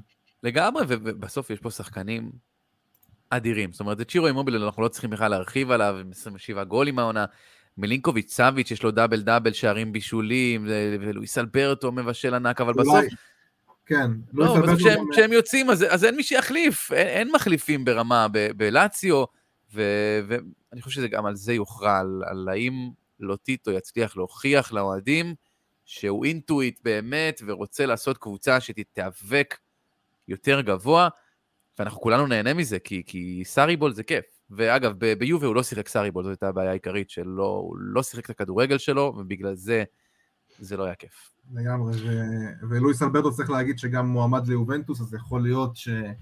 בוא נגיד זה משהו שמאוד יכול לשדרג את... אה, זה שחקן שכבר כמה שנים, אתה יודע, נותן את הדו-ספרתי בישולים, באמת אחד השחקנים הכי יצירתיים בסריה, אם אתה שואל אותי, אגב, אם אתה שואל אותי, הוא או מילינקוביץ' סאביץ', אני לוקח אותו.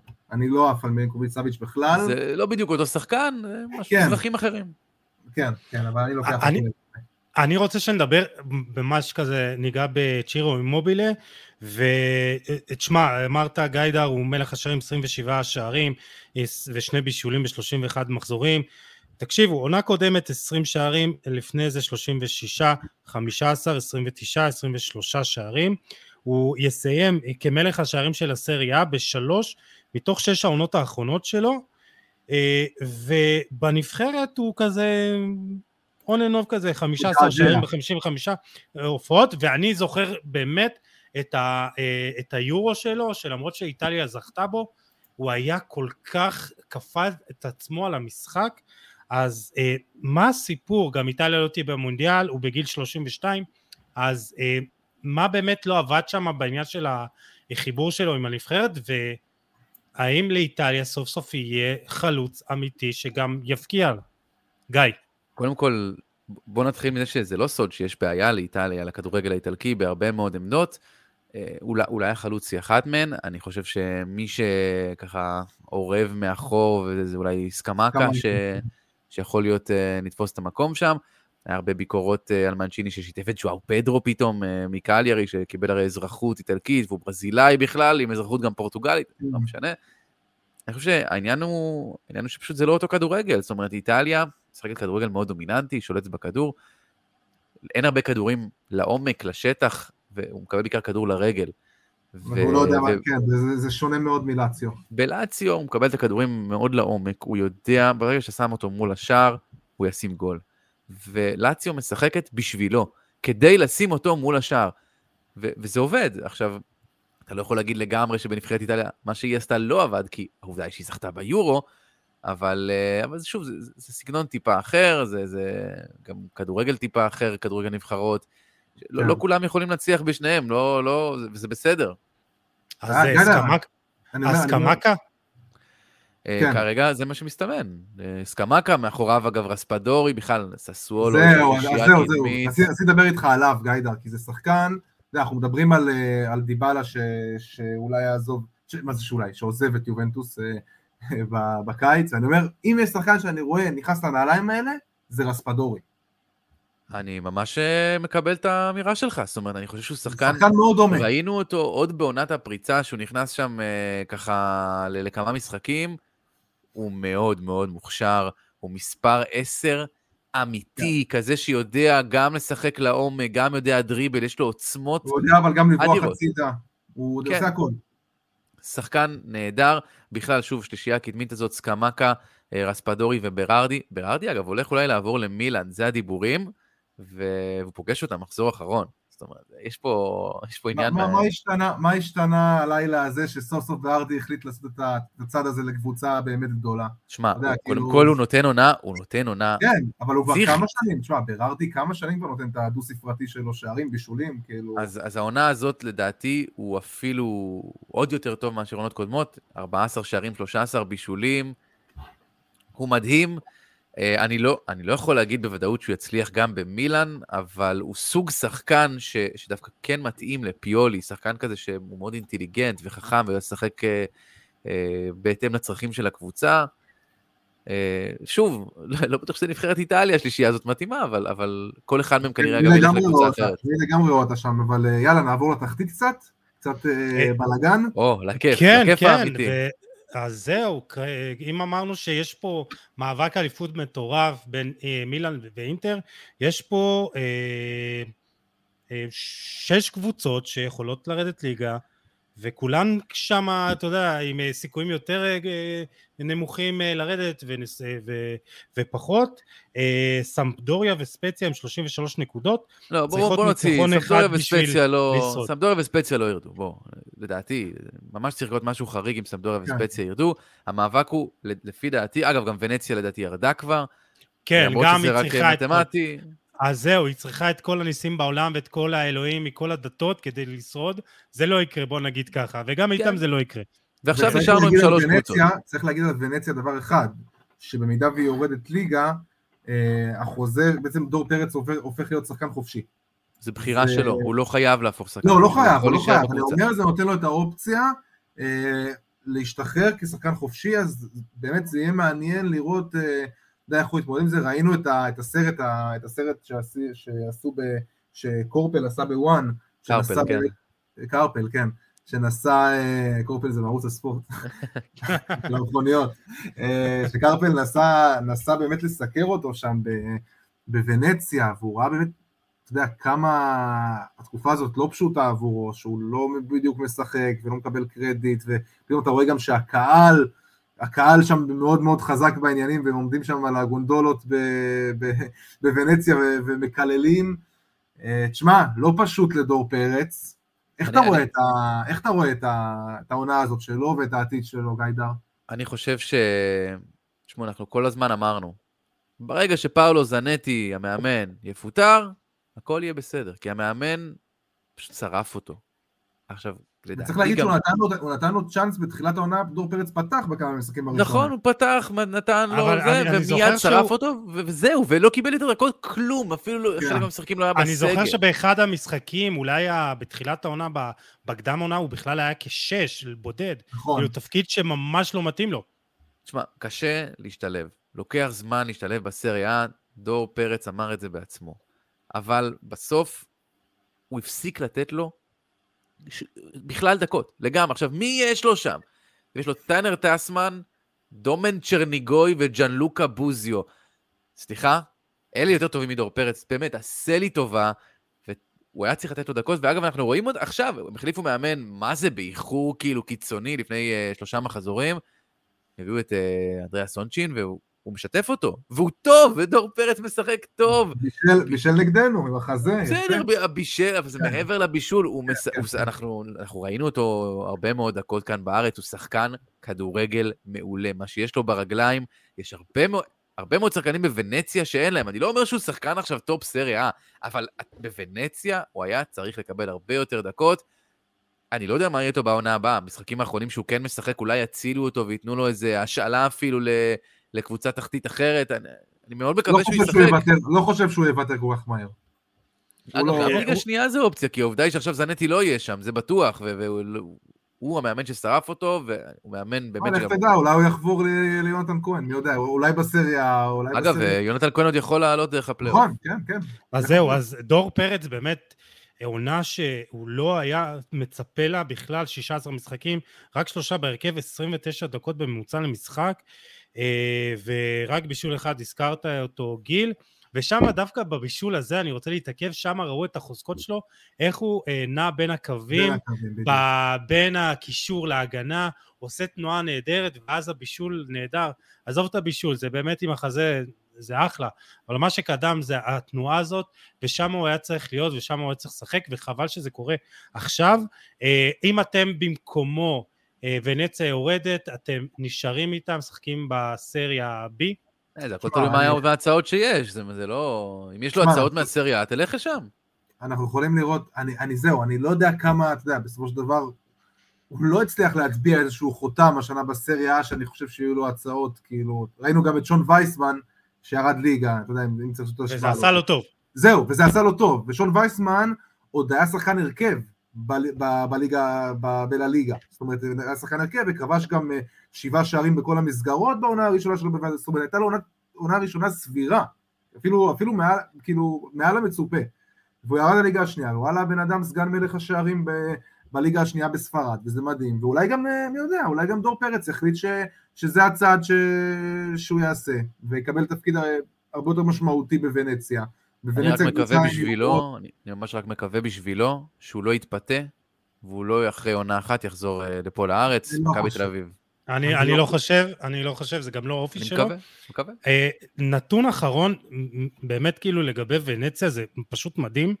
אה, היא ניצחה בה באמת דרמת הענק במחזור האחרון את בולונה שב-4-3, שער ניצחון דקה 93. לפני זה היא סגרה רצף של עשרה הפסדים, ובסך הכל 21 משחקים עם ניצחון בודד וארבע תוצאות תיקו, שאלוהים ישמור באמת מה קרה שם, אלוהים יודע.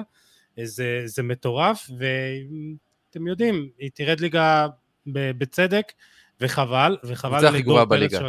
גם כן. כשהייתה מעל הקו האדום, היא הייתה הקבוצה הכי גרועה בליגה. באמת. אה, כן. כן, אז אה, אני חושב שנתקדם לקבוצה, אולי שיש לה את הסיכויים הכי גבוהים, והיא כרגע מעל הקו האדום, סלרניטנה. גיל, יש שם סיפור מטורף עם אה, דוד ניקולה, המאמן, שגם כן. הגיע ועושה שם עבודה מדהימה, אבל יש לו סיפור אישי באמת לא פשוט וקשה מאוד. דוד- ניקולה ב-2014, אה, אתה יודע, הבן שלו, הבן שלו יצא, זה זה היה גם ב-14 ביולי 2014, הילד שלו בגיל 14 אה, יצא בעצם לבית ספר, אה, נסע על אופניים, ובאמת בתאונה הכי, הכי טראגית שיש, אה, נהג אוטובוס אה, אה, לא הבחין בו ונכנס בו, ואתה יודע, דרס אותו. דרס אותו למוות, וזו הייתה טרגדיה באמת עצומה מבחינת דוד ניקולה, ואני לא יודע, אולי, אולי זה קשור באיזשהו מקום בטרגדיה הזאת, בתעצומות הנפש, שהוא מצליח לשים את עצמו בפרופורציות הנכונות בסיטואציות האלה, ש, שהוא מאמן בעיקר קבוצות תחתית, קבוצות שנלחמות אה, על, ה, על ההישארות שלהן, והוא מצליח לעשות את זה. זאת אומרת, הוא עשה את זה, אה, הוא עשה את זה עם גנואה, וגיא הוא עוד עשה את זה? תעזור לי, הוא עשה את זה... אה, אז זהו, אני אחבר כן. אותך לסיפור אולי הכי גדול, שעכשיו יש לי כן. ויכוח אם הוא יותר גדול עכשיו או אז, וזה קרוטונה. ב-2016-2017, זו הייתה היורדת הבטוחה, בי פאר, הקבוצה הזאת צברה תשע נקודות בחצי הראשון של העונה, והוא הגיע באמצע העונה, והוא הצעיד אותה למסע החלצות כנראה המפואר ביותר שהיה באיטליה, אולי גם מעבר לכך. 17 מ-21 בשבעת המשחקים האחרונים של העונה, היה שם גם משחק הירואי מול יובה ועוד כל מיני משחקים גדולים, והוא בעצם עוד אמר, זה היה מיד אחרי uh, המוות הטרגי של הבן שלו, והוא אמר, אם אנחנו נשארים בליגה, אני הולך לרכוב על אופניים, נכון. כל הדרך מקרוטונה עד טורינו, קרוטונה זה מאוד מאוד דרומה, טורינו זה צפונה, זה 1,300 קילומטר, והם הצליחו להישאר בליגה ברגע האחרון כנגד כל הסיכויים, והוא רכב אה, על אופניים במסע מאוד מאוד מתוקשר, שהיה מסע מתוקשר אולי לא פחות מאשר המסע על המגרש, ו... וגם נתן את המסרים על בטיחות בדרכים ועל אה, לשים לב כדי שלא יקרה, לא יקרו דברים כאלה כמו שקרה לבן שלו. אחרי זה, אתה צודק, הוא גם השאיר את גנואה בליגה. עכשיו, אני בדקתי, אמ, מסלרניטנה לטורינו זה אלף קילומטר, קטן עליו, באמת, קטן עליו. זה, עזוב, מה, מה, יש, מה יש באיש הזה, אבל אתה יודע שהוא מצליח, זה, זה כבר לא מקרי. אני אגיד לך מה, יש את האנשים האלה שהם uh, קבלני הישרדות, כן. הוא... הוא שיעל, הוא, הוא, הוא, הוא פשוט שיעל, הוא פשוט שיעל של הסריה. יכול, יכול להיות, אני לא יודע אם אני אוהב את ההשוואה הזאת, אבל בסדר, אני מת על שיעל. Uh, העניין הוא כזה, בסלרניטנה מה שהוא עושה, זה, זה לא יאומן. הוא, הוא, הוא, הם היו בקבוצה הזאת, מהמחזור הראשון, הם היו אחרונים בטבלה. מהמחזור הראשון, זה היה אולי כן, כמה כאילו, משחקים. כן, זהו, אתה יודע, דיברו על זה ש... מי בכלל חשב שהם נשארו? והמשחק הראשון שלו, זה היה נגד מילאן. כן. ה-2-2. נכון, נכון. שהוא, שהוא ברח לו שם ניצחון ברגע האחרון. עכשיו, בתקופה האחרונה, שישה משחקים אחרונים, הוא עם ארבעה ניצחונות, שני תיקו. אני שידרתי את המשחק האחרון שלהם אה, מול קליארי, זה היה אמור להיות, אגב, משחק ההישרדות. הם הובילו 1-0 מפנדל של סימון ורדיה, והקהל בסלרנו היה באמת בטירוף, כולם חגגו, חוץ מדוד ניקולה. הוא עמד ולא זז אחרי הפנדל הזה, כולם קופצים עליו, כולם זה, הוא לא זז. הוא ידע שזה רק התחיל המשחק. המשחק שם נהיה מטורף.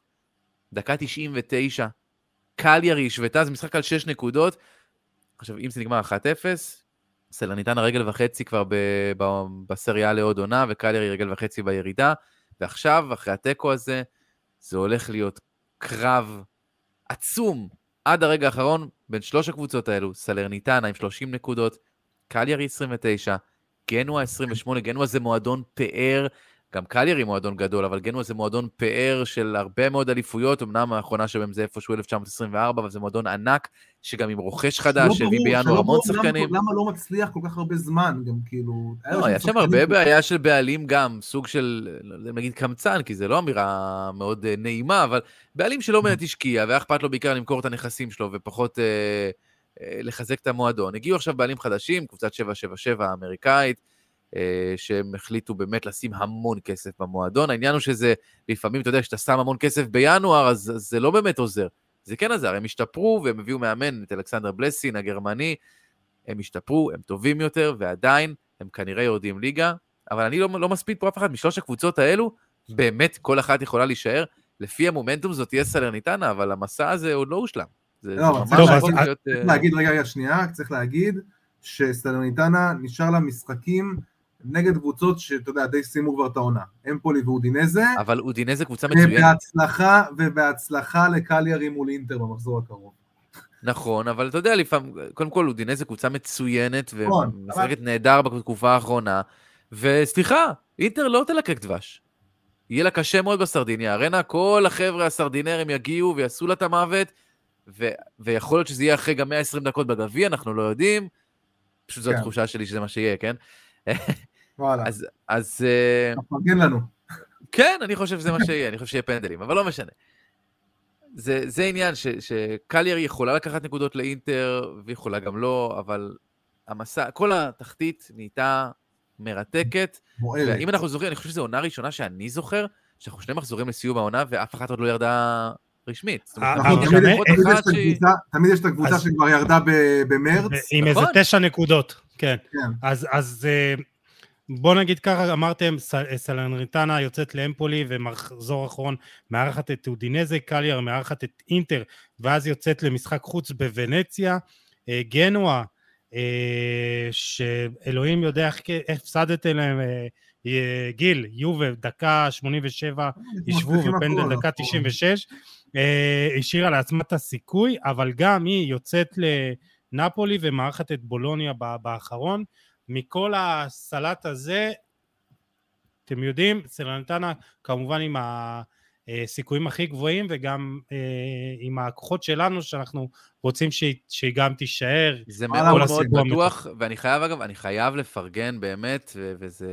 הוא חבר, אז אין לי בעיה לפרגן לו, גם חבר שלכם, לאורן קדוש, פרשן הליגה האיטלקית, שהוא איפשהו בדצמבר כבר, אמר, חבר'ה, אם מישהי נשארת מהתחתית, אם מישהי יכולה עוד לשרוד ולשנות את המאזן שם, זו סלרניטנה.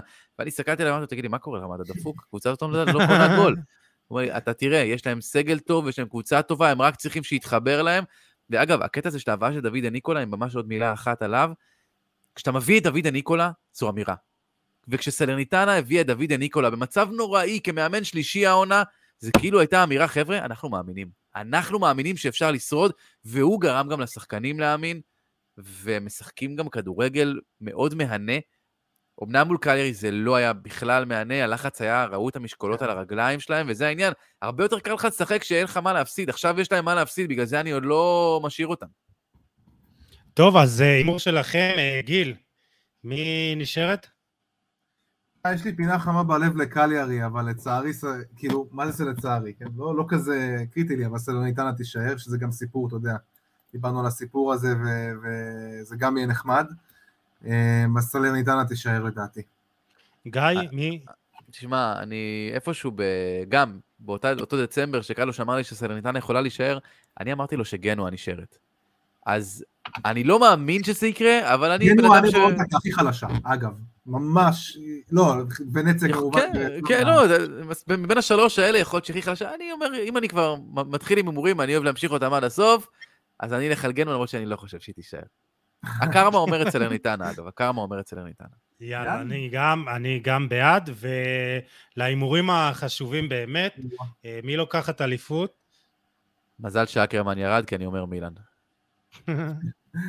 אני גם... כולם רצו. תקשיבו, אני דיברתי איתו לפני השידור ולא אמרתי כזה, לא...